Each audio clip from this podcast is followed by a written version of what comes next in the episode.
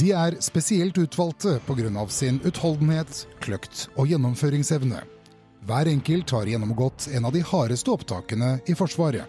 De er kjent og respektert blant våre allierte for sin enestående kampmoral og evne til å løse de tøffeste oppdragene. Gang på gang har de vist sin dyktighet i skarpe operasjoner. De er omgitt av mystikk, hemmelighold og myter. De er Forsvarets spesialstyrker. Et øyeblikk, en evighet, tar deg inn i en verden som til nå har vært skjult for publikum. I serien Lingeloftet vil vi få vite hvorfor Forsvarets spesialstyrker er blant de beste og mest etterspurte spesialsoldatene i verden.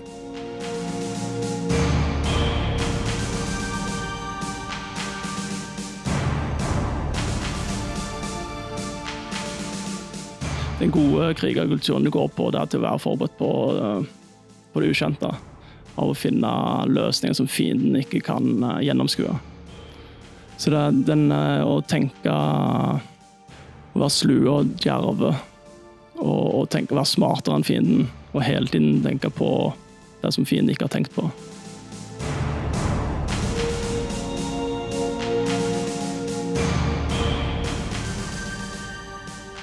Velkommen hit til eh, Lingeloftet. I denne episoden så skal vi, eh, skal vi treffe en eh, operatør. En av de som er på bakken, der de treffer, treffer avgjørelser og der de utfører misjonene sine og oppdragene sine. Og da har jeg store gleden av å ønske deg velkommen, Jostein. Jo, takk for det. Jostein Mattingsdal. Du Eh, først og fremst må jeg få lov å gratulere deg. Du har akkurat blitt eh, tildelt eh, krigsmedaljen for hendelser i Afghanistan i 2017. Men Det kan vi komme litt tilbake til. Men uansett, veldig hyggelig å ha deg her. Takk. Det vi sitter og tenker på når vi hører ordet operatør, så kan jo det være alt mulig rart. Men kan du bare sånn kort fortelle, hva, hva går jobben din ut på? Ja, det har jo vært en, en reise gjennom de siste to tiårene fra å være en geværmann til å være skvadronsjef. Eh, så det, er veldig varierende da, for om vi skal snakke om nyere tid eller, eller tilbake i tid.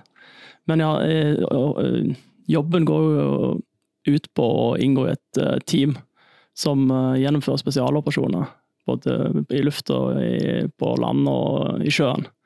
Så det, er veldig varierende. Så det er mange som kaller oss altså Jack of all trades og master of none. Det er iallfall det som er mindsettet. Så dette er omstillingsevne, fleksibilitet, eh, kreativitet. Altså, det, det, det er en jobb hvor du, du skal kunne være forberedt på det ukjente og finne løsninger som, som, som kanskje ikke er innenfor boksen. Det, det, vil jo kreve mye forberedelse og trening, vil jeg tro, sånn på, på, det personlige planet? Ja, helt klart. De, de, personlige egenskapene er jo det som er grunnmuren i en operatør. Altså det som er utenom de konkrete soldatferdighetene, så har du du har det som sagt altså kreativitet, eh, evne til ikke å gi seg, mot, eh, plikt, lojalitet, teamarbeid. Altså sånne, de, de holdningene og verdiene er jo det som er det viktigste som du, du ser etter en operatør. Er du operatør 24-7, eller er du, er du sånn mandag til fredags ansatt i Forsvaret når du har den stillingen? ja, når du, når du, er i en tropp eller patrulje eller i, i skvadron, så, så, er det en, eh, en heltidsjobb som, eh, som går 24-7 året rundt. Det, det, vil jeg påstå. Om, om, eh, om, ikke du er fysisk til stede på jobb, så har du, har du et ønske om å hele tiden bli bedre. Og da, da, da går den der mølla opp i hodet på, på, hvordan du skal bli en bedre operatør. Og det er sånn du blir en god operatør også og hele tiden tenke hva er det jeg ikke kan, hva er det jeg kan gjøre bedre, og hva er det som kreves av meg eh, fra mine medsoldater. Ja, fordi medsoldatene er vel viktig, dere snakker hele tiden om enheten og teamet. Altså, hva, hva, er din rolle i et team, hva betyr det? Ja, det, Hvis du er enkeltmann eller spesialist eller, eller, leder, så er jo den rollen veldig klart definert. Men rollen er jo å, å gjøre teamet bra. Altså du, du må kunne gjøre jobben din, men eh, de andre må også kunne stole på at du gjør jobben din. Så da, sammen så, så vil jo vi kunne gjøre ting som er mye bedre enn summen av hver enkeltmann. Ja, Det var ganske bra oppsummert. Du har jo fått testet dette her i praksis ganske mye. Du har vært mange, på mange misjoner ute. Og vi skal dra frem én, spesielt én hendelse. og Det er naturlig nå som du ble dekorert for den samme hendelsen. Men før vi kommer til eh, det, det punktet der, altså, føler du at den bakgrunnen og treningen du har fått og den måten du har bygd opp på, har gjort deg i stand til å løse disse oppdragene på den måten du ville? Ja, helt klart. Rent teknisk, selvfølgelig, men også altså, mentalt. Eh, jeg er ekstremt takknemlig for at jeg har fått den grunnutdanningen som jeg fikk gjennom spesialstyrkene. Altså den, for å få den robustheten som kreves for, for å takle påkjenningen. Det er ikke, selv om du har de personlige egenskapene for oppveksten, så må du ha da, faglig påfyll, rent profesjonelt, som soldat. Og det, det, det gir deg en kjempebuffer for å tåle, tåle, ting som kommer i tjenesten. Ja, For her snakker vi om ting som virkelig kunne ha gått galt på ordentlig? Ja, så klart. Det er spesialstyrkene de lever på kanten, og det er derfor vi eksisterer, for å kunne løse de oppdragene som, som de andre ikke kan løse. Og da, da, da, må du være villig til å strekke strikken, men sørge for at ikke strikken ryker.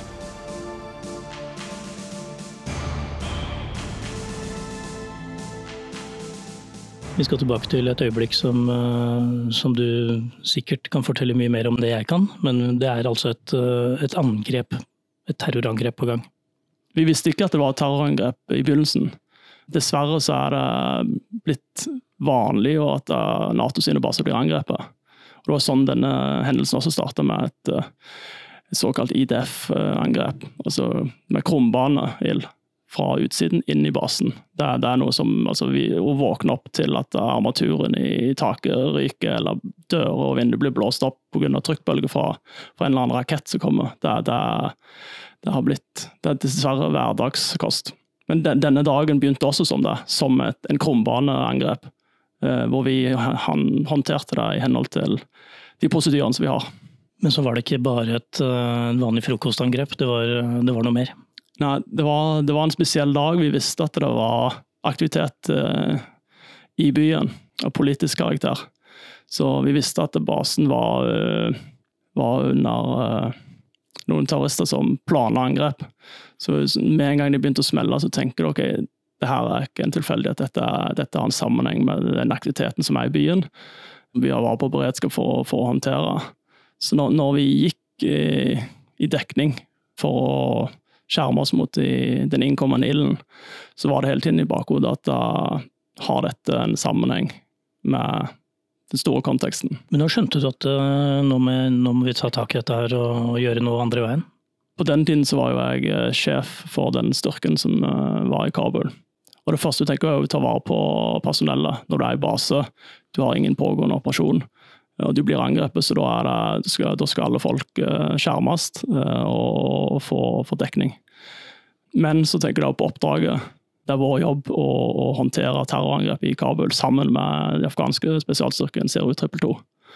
Så det, den, eh, det gikk ikke mange sekunder før både meg sjøl og andre folk i teamet begynte å snakke om dette er ikke et vanlig angrep, dette, dette er et terrorangrep som, står, som er en del av en større pakke. Og så må du nesten fortelle, må du guide oss gjennom, for her, her kommer vi inn på ting som uh, faktisk ikke er allment kjent ennå. Ja. Vanligvis på, på en uh, eh, IDF-angrep så, så, er det en alarm som går, og så, så hører du kanskje en, en, trefning en eller annen sted i nærheten. Uh, men denne gang så var det en helt annen type alarm som var mye mer intensiv. Og så gikk det et sekund fra alarmen gikk til faktisk trefningen var like i nærheten av oss. Og det som sagt, om det er veibombe eller idé, selvmordsbombe, et angrepslag eller en BK, så, så, så, hører du forskjell på det. Og dette var første gang jeg ble angrepet av BK. Så jeg, så jeg visste det var annerledes, og, jeg, jeg, og, det gikk ikke lang tid før det kom en ny en som bare var like i nærheten, så dette var presist og intensivt. Jeg så det på, på hele avdelinga at, uh, at dette, dette, var annerledes. Så etter, etter vi hadde fått kontroll på alt personell, så begynte det å tikke inn rapporter eh, om at det var at basen var under angrep, og at uh, hovedkvarteret hadde bedt om støtte fra oss nordmenn, siden vi var den eneste reaksjonsstyrken som var tilgjengelig. Så da var det kanskje den vanskeligste beslutningen på den uh, hendelsen det var å ta folk ut av dekning. For det, vi var nødt for å bevege oss i nedslagsfeltet for å kunne gjøre oss klar til strid. Da visste jeg at jeg satte folk i ekstremt stor risiko for å kunne rykke ut. hele basen var i dekning. og ingen som hadde lov til å bevege seg på utsiden. Men for, for å rykke ut så var vi nødt til å ta folk ut. Og Det, det var en beslutning som jeg tok, som var veldig vanskelig. Men på samme måte veldig lett, siden jeg visste at vi skulle løse oppdraget. Tenker du noe på det nå i etterkant, den, den avgjørelsen, om du skulle gjort den annerledes? Nei, i, i utgangspunktet ikke. Jeg, eh, nei, det, det, hadde vært, det, det hadde vært Beslutningen satt på mine skuldre, men jeg, jeg, jeg visste jo at jeg visste hva som var forventninger. Og både personlig og fra teamet. At dette var, dette var Sånn som vi er i SOF, så er dette grunnen til at vi er til stede der nede. Det er derfor vi, vi er der. Afghanerne forventer det av oss. Eh, Nato forventer det av oss. Norge forventer da at vi, vi rykker ut og løser oppdrag. Og det gjorde dere, det rykket ut. Du, du fikk menneskene ut av eh, dekningen, som du sier, og, og satt i gang. Mm som sagt, var Angrepet var jo i gang idet vi rykte ut, og det var pågående idet vi kjørte ut av porten. Men det, jeg visste jo at det, vi hadde gjort direkte. ekte. Når, når vi kom fram, så, så, fikk vi beskjed om at nå, nå har BK-angrepet stoppa. Så det var den første bekreftelse på at dette var en riktig beslutning, var at vi faktisk stoppa angrepet mot basen. Og da, da måtte terroristene bruke oppmerksomheten mot oss for, for å forsvare seg det afghanske systemet har blitt utrolig bra. Altså Hadde dette skjedd for uh, noen år tilbake, så hadde ikke afghanerne eller vi selv vært i stand til å, til å gjort det på samme måten sammen. Så da det bare viser hvor langt det afghanske sikkerhetsstyrker har kommet. At de, det er såpass komplisert angrep uh, blir, blir, løst av afghanerne. Men disse terroristene de, de, de, ga seg ikke bare sånn uten videre når dere kom kjørende? De, de forsvant jo ikke av seg selv? Nei, de, eh, de hadde fått god tid til å forberede seg. De hadde vært der lenge, fikk vi vite. At, og det første som det sier meg, Hvis folk har vært lenge og forberedt seg på et angrep, så er det ikke noen adhoc-løsninger. De, de, de, har kommet til byen for å slåss, og dessverre så, så, så bringer de kampen inn i et tettbebygd område. Og det, det, gjør det veldig vanskelig for, for oss eh, å løse oppdrag eh, i forhold til når de er ute på bygda. Dessverre er det den taktikken de har valgt å, bruke. Altså gjemme seg blant sivilbefolkninga. I tillegg så hadde de, de skjøt i, i alle himmelretninger for, for, å skape forvirring. Så basen vår var en av eh, et nedtrekksfelt, men de hadde også andre, andre områder som de hadde skutt mot. Så det første som vi, eh, vi møtte, var jo et kaos av forskjellige rapporter på hvem som er angrepet, og hvor angrepet kommer fra, hva type våpen bruker de, osv. For de hadde med seg et helt arsenal av forskjellige skyts. Det, det var en, eh, den dagen der var, var opprørerne uh, usedvanlig godt forberedt. Men dere kom eh, nærmere og nærmere målet, der terroristen hadde satt seg fast? Ja. Uh, når, når, du skyter med krumbanil, så er det, er det, mulig å finne hvor utgangspunktet er, ved hjelp av uh, matematikk. Så, så det, det klarte jo å lokalisere nokså kjapt ved hjelp av teknologi, men også ved hjelp av å snakke med lokalbefolkninga. Så det, i alle situasjoner så er det jo få situasjonsforståelse som er det viktigste. Eh, å ha kontroll på eget personell, egne styrker, sivilbefolkninga, hvem som er venn og hvem som er fiende. Så du, du, du, løper ikke inn i et sånn målområde uten å ha god situasjonsforståelse. Så det er liksom prien er å få kontroll på situasjonen. Men selv når dere nærmet dere målet, så var det jo drama. Eller det ble vel mer og mer drama, kanskje? Ja, det var, det var mye av uh, forvirringen som oppsto. Det, det, var pågående skyting, uh, og vi hadde folk, både afghanere og nordmenn og andre Nato-styrker i området. Både på bakken og i lufta. Så ja, det, jo, I tillegg så ble han eh, briten som skulle lede den overordnede operasjonen han ble jo forhindra for å møte opp den dagen. Så da, da, fikk jeg den eh, ekstra hatten på hodet, med at jeg skulle, i tillegg til å lede den eh, taktiske styrken, skulle inn på målet, og også lede eh, hele innsatsen.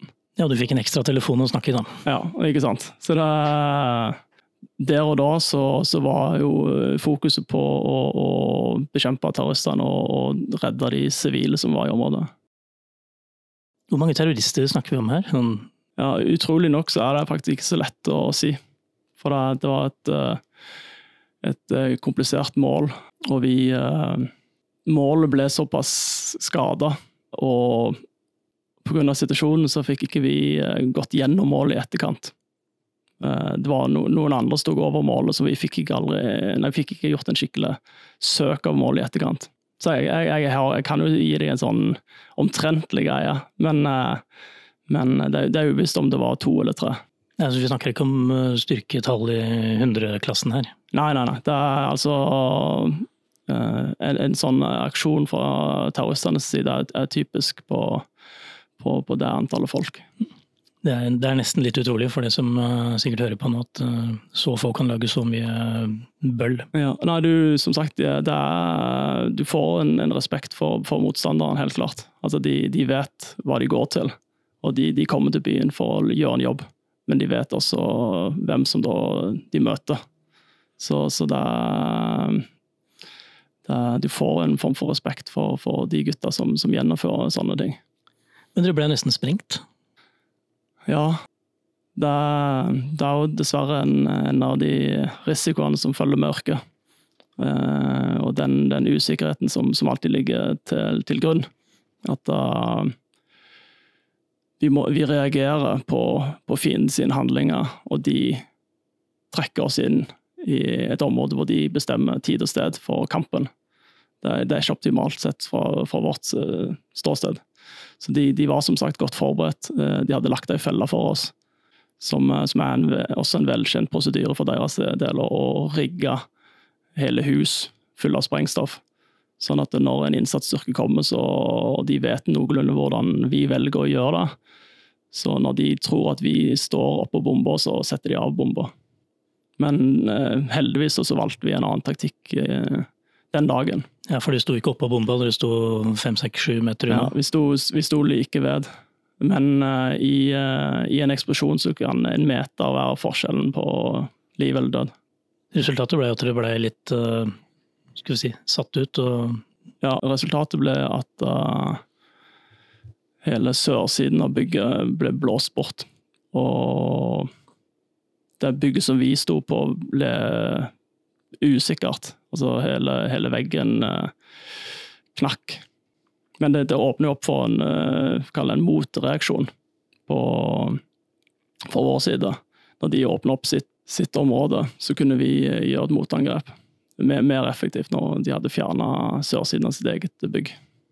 Så det var i etterkant av det at på en måte den aksjonen kulminerte da og ble avslutta? Det ble en reaksjon, en motreaksjon, hvor hvor, de sikkert trodde at de hadde skada oss uh, fatalt. Uh, men vi var kjapt tilbake igjen og, og fikk uh, slått ned den, den motstanden som, som, de hadde igjen.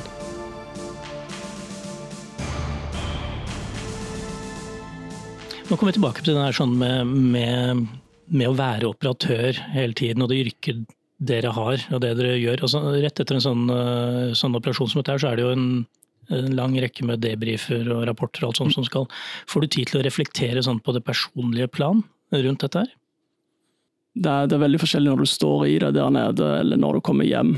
For der nede så er det dessverre eh, sånn hverdagen er, at eh, den type angrep skjer en gang annenhver uke. Så, så, så, der nede så, så, er det dessverre Jeg vet ikke om rutine er riktig ord å si det, men det, det, blir, det blir veldig intensivt. Eh, og, og det, du er forberedt på det. Det er dette du har trent for i årevis. Det er nesten som når du skal hoppe i fallskjerm, du skal sammenligne med noe eh, sivilt. Så altså, du er litt, litt, nervøs før du liksom tar på deg eh, skjermen. Men idet du går inn i fly og går opp i lufta, så er det, da, da, tenker du ikke på, på, den, da skal du gjøre en jobb. Og så tenker du kanskje når du kommer tilbake igjen at det, det var litt hårete det som skjedde. Men uh, det, er to helt forskjellige verdener. Og nå når du får det litt på avstand, er det, jo, det er jo to år siden akkurat den hendelsen der. Så som leder så tenker du i hvert fall på, på de Du kjenner jo hver eneste person eller soldat og hans familie veldig godt. Og det ansvaret som du tar når du, du, du gir en ordre, og de, og de løser oppdrag. Eh, så, så det, er, det er Som sjef så reflekterer du mer over de part, delene av det i forhold til uh, når jeg var ute som geværmann. Så tenker du mer på, på det personlige. Du, du ønsker å, å, være et produktivt medlem av teamet. Ja, For team kommer vi tilbake til hele tiden. Sånn. det, er, det er hele tiden teamet. Ja, altså som sagt, når du sitter her som, som enkeltmann, så er det, helt vilt å tenke på i ettertid hva, hva du har vært med på gjennom det lagarbeidet som disse operasjonene er.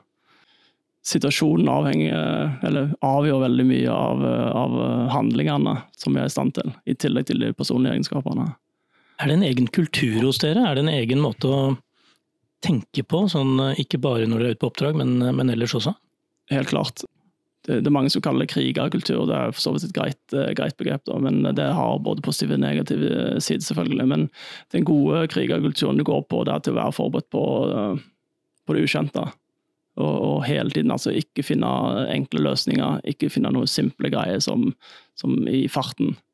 Vi er, vi er, veldig opptatt av, av å finne løsninger som fienden ikke kan eh, gjennomskue. Så det, er den å tenke å være slu og djerve og, og tenke, være smartere enn fienden. Og hele tiden tenke på det som fienden ikke har tenkt på. Det, det, det krever veldig mye, og det, det er en kultur og holdninger. Og I tillegg til det hele tiden tenke på operasjoner, eh, og være fokusert på operasjoner. Det er jo eh, holdninger. Holde fokus på, på taktikken og stridsteknikken. Eh, helt klart en del av den gode krigerkulturen. Og være opptatt av hva som gikk galt ikke bare hva som gikk bra. Mye, vi, vi, er perfeksjonister, mange av oss. Så vi, vi, vi, det som vi gjør galt, ønsker vi å finne løsninger på. Eh, og bli bedre. Og så er vi opptatt veldig godt av eh, eksperter. Vi, som sagt, vi er jack of all trades, master of none. Så vi er helt avhengig av ekspertkompetanse. og ta inn de, lære av de, bruke de, og integrere de i teamet. Og så er det den siste biten som går på robusthet være i stand til å, å ta en trøkk, motstå en uh, trøkk, og da gjør, uh, komme tilbake igjen sterkere.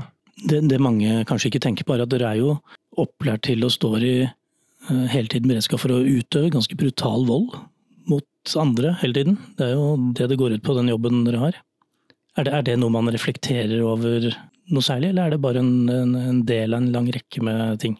Dessverre så er jo det en en del av jobben, men heldigvis er det en bitte, bitte liten del av jobben. Altså det er til å, å møte fienden. Det er, det er noe som, så, som, vi selvfølgelig gjør, men uh, hvis, vi, hvis, vi, kan gjøre det på andre måter, så, så, ønsker vi selvfølgelig å bruke det. Og sånn at fienden ikke kommer til skudd. Det er, eh, mye av det arbeidet vi gjør, skjer jo på det, det nivået der. Så for vår del, hver gang vi er nødt for å nedkjempe en terrorangrep, f.eks. i Kabul, så da, er det et eller annet som ikke har fungert som, som vi burde ha catcha tidligere. Altså, da har liksom fienden De har lurt oss, akkurat på samme måte som vi ønsker å lure de. Så det, det er mye innsats som blir lagt inn i, i, å, i å, forhindre, i, i, forhold til faktisk å nedkjempe. Du har blitt eh, dekorert for denne hendelsen vi akkurat var gjennom. Hva tenker du rundt det, at det er du som får en medalje for noe teamet ditt har gjort? Sammen med deg, da, naturligvis. Nei, Det er jo et paradoks at uh, for at en enkeltmann skal bli dekorert, så må et helt team til for å, for å få det til. Det, det, er ikke noe som Jeg var ikke alene der ute, men uh, jeg har vokst opp i uh, et miljø hvor uh, det ikke var vanlig med medaljer. Så jeg vet hvordan det var før. Og nå etter Trond Bolle åpne opp for, for medaljer, så, så, ser jeg jo forskjellen. Og det, det har jo en, en effekt som Men ja, det, det For min del så er jo den medaljen et uh, symbol på det teamarbeidet som var. For det er vel viktig å få en anerkjennelse uansett, tenker jeg. Uh, selv om dere er eh, aldri så hemmelige.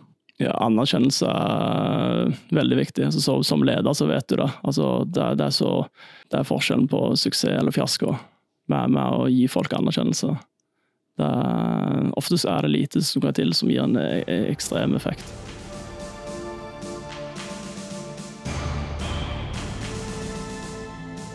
Er det noe du husker spesielt godt etter alle disse årene som uh, spesialoperatør?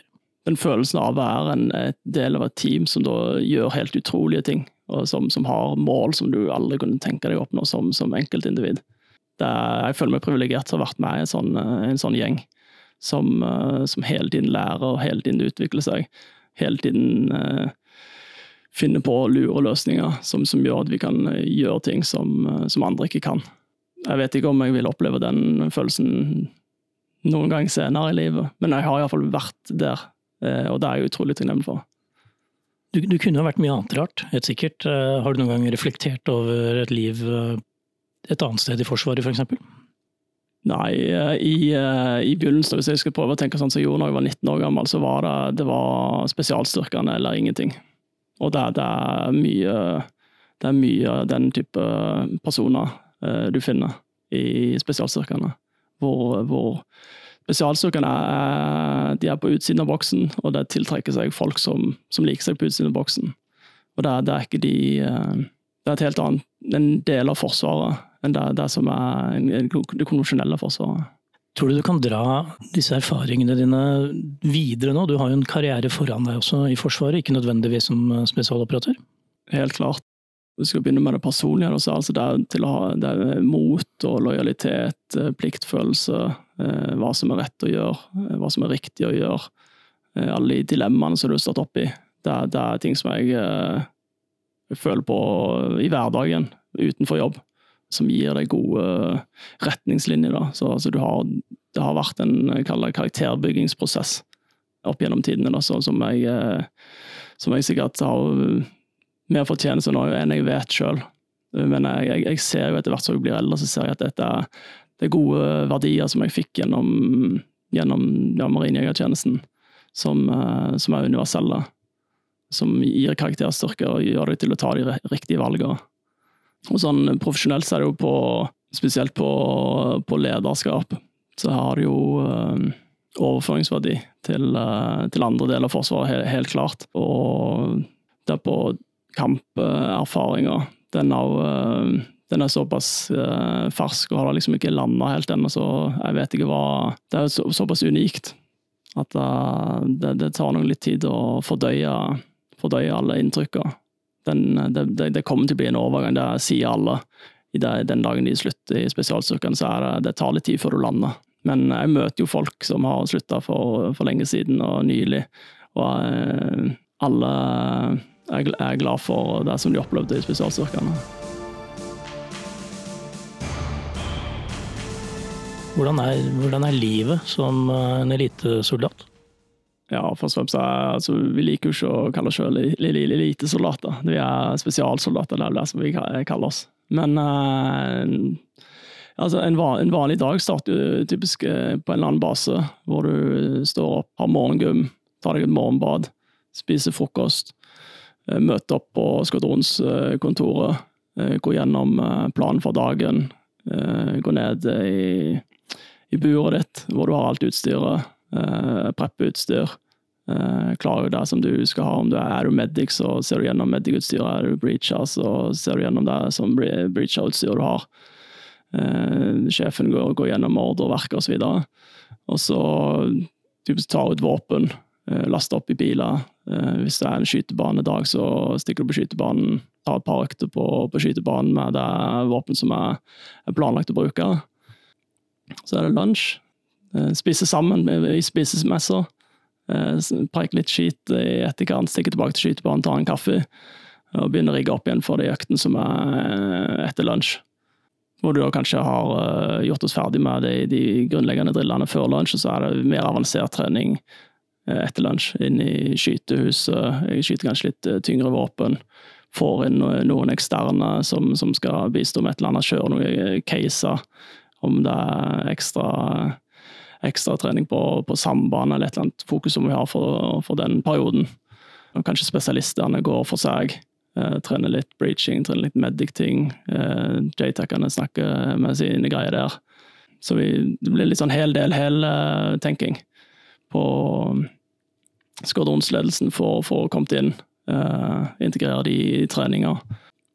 Kanskje få noen kjøretøy inn. Uh, har noen helikopterstøtte luftressurser inne.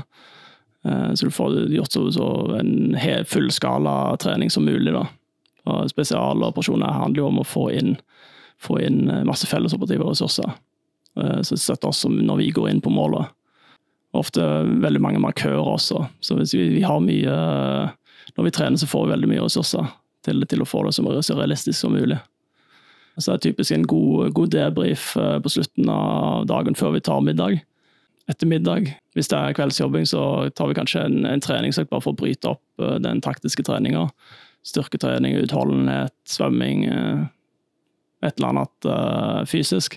Lagidrett, eksempel, er populært med innebandy eller volleyball, et eller annet. Og så er det kveldsøkt, typisk, etter vi har trent og dusja og den slags. Og kveldsøkta blir kanskje enda mer fullskala, hvor du trener på det samme du har gjort i dagtid på, på nattestid, som, som øker kompleksiteten, selvfølgelig. Så det, og, og sånn, går, eh, sånn, går, dagene da, eh, uke inn og uke ut. Altså, du, du, blir jo kjempeflink av det, for du, du, får, du har det beste utstyret, du har et utrolig bra team rundt deg. Eh, og alle, Det er liksom operatøren i fokus. Det, det har sjefen sagt siden dag én, at her på denne avdelingen så setter vi operatøren i midten, og så skal alle folk jobbe rundt at han operatøren blir så god som mulig. Og du, du føler på den, eh, den, følelsen der. At uh, det her er det, her er det full fokus på den kampkraften som operatøren eh, representerer. Eh, det, det tror jeg er unikt eh, for SOF.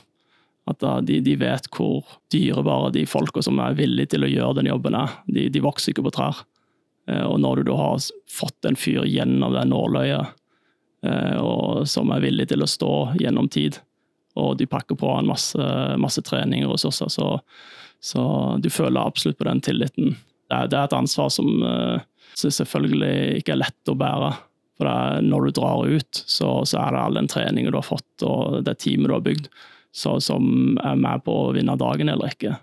Så, og du, du, skal jo gjøre livsfarlige ting. Ikke bare på, ute på operasjon, men i trening og i hverdagen er jo veldig risikabel. Med dykking og fallskjermhopping og skyting i, i, i, vinkler som du ikke har mulig å gjøre andre, andre steder på, på forsvarlig vis. Men eh, når du er ute på operasjoner, da er det litt annet uh, regime? For det er vel ikke sånn at du bare ligger og venter på en telefon om at nå, nå er det noe på gang? Dere må jo trene der òg? Ja, ikke sant. Så det, det er det, den ledige tiden vi har, uh, går ikke med på PlayStation og soling. Det går, går med på å holde ved like ferdighetene så godt som mulig. Ofte så er det litt, litt redusert muligheter. Hvis du er ute på en lang rekognosering i ørkenen, så er det begrensa hvor mye trening i skytehuset du får, selvfølgelig. Men det er utrolig hva, hvor kreative folk er. Så, så du, du, får til både fysisk og, og, taktisk trening ute i felt, som er helt avgjørende. og Det er bare en god eksempel på den kulturen vi har i avdelinga. Folk blir rett og slett sure hvis ikke de får trent, fordi de vet at det er, det er ferskvare. Og det må vedlikeholdes. Hvor viktig er det liksom å være lenge i en operasjon, altså være til stede i, i operasjonsområdet? Tid er dødsviktig. altså i SOF, eh, iallfall det som jeg har opplevd, så det er ikke, folk tenker ikke at det er liksom bare denne depileringen her, så skal jeg aldri igjen. Altså, så de bare prøver å komme seg gjennom eh, en depilering. Vi tenker at uh, dette kommer til å vare, og jeg kommer til å ta ut på nytt. Da, da får du en helt annen innstilling, og du vet at du, du kan du bærer en stafettpinne uh, som nestemann skal få, som du da har fått av mannen før deg. Og det, det gjør veldig mye med instinkt når du har denne helhetlige innsatsen på å bygge opp, sånn som i Afghanistan, hvor vi har bygd opp uh, CRU 222 fra 2007 til uh, fram i dag, til en, en selvstendig sikkerhetsstyrke. Og det, det, det de holdningene som er. At dette, det er ikke et uh, one man show. Det er en, et teamarbeid som har pågått fra de som gikk uh, foran oss, og det, kommer til å pågå for de som går, kommer etter oss. Så Da får du en helt annen holdning til, til, hva som kreves, og hva oppdraget går ut på. Hva med de der hjemme? Tenker du, Tar du hensyn til, eh, til familien når du, når du, forbereder deg for en deployering f.eks., eller når du kommer tilbake igjen? Altså, hvor, hvor, fokusert er du på, på deres situasjon? Det er helt klart uh, noe som jeg har vært veldig heldig med uh, opp gjennom tiden, at jeg har hatt støtte i heimen. Og heldigvis har avdelinga klart å ha en viss forutsigbarhet på når de vi skal dra ut. Så, men tid igjen da Jeg har, vært, heldig som har fått varsling i, i forkant. Sånn at jeg kan bearbeide eh, familie og venner på at nå kommer det til å være en, en tur ut. Men eh, det er, det er, veldig individuelt, den, den historien der. På, på, både på varslingstid og eh, hvordan folk har det hjemme. Så jeg, dessverre så er det jo det er folk som har, inkludert meg sjøl, som har utfordringer det, det, det, er ikke noe glansbilde i det hele tatt. Det er, det er veldig krevende for de, de hjemme.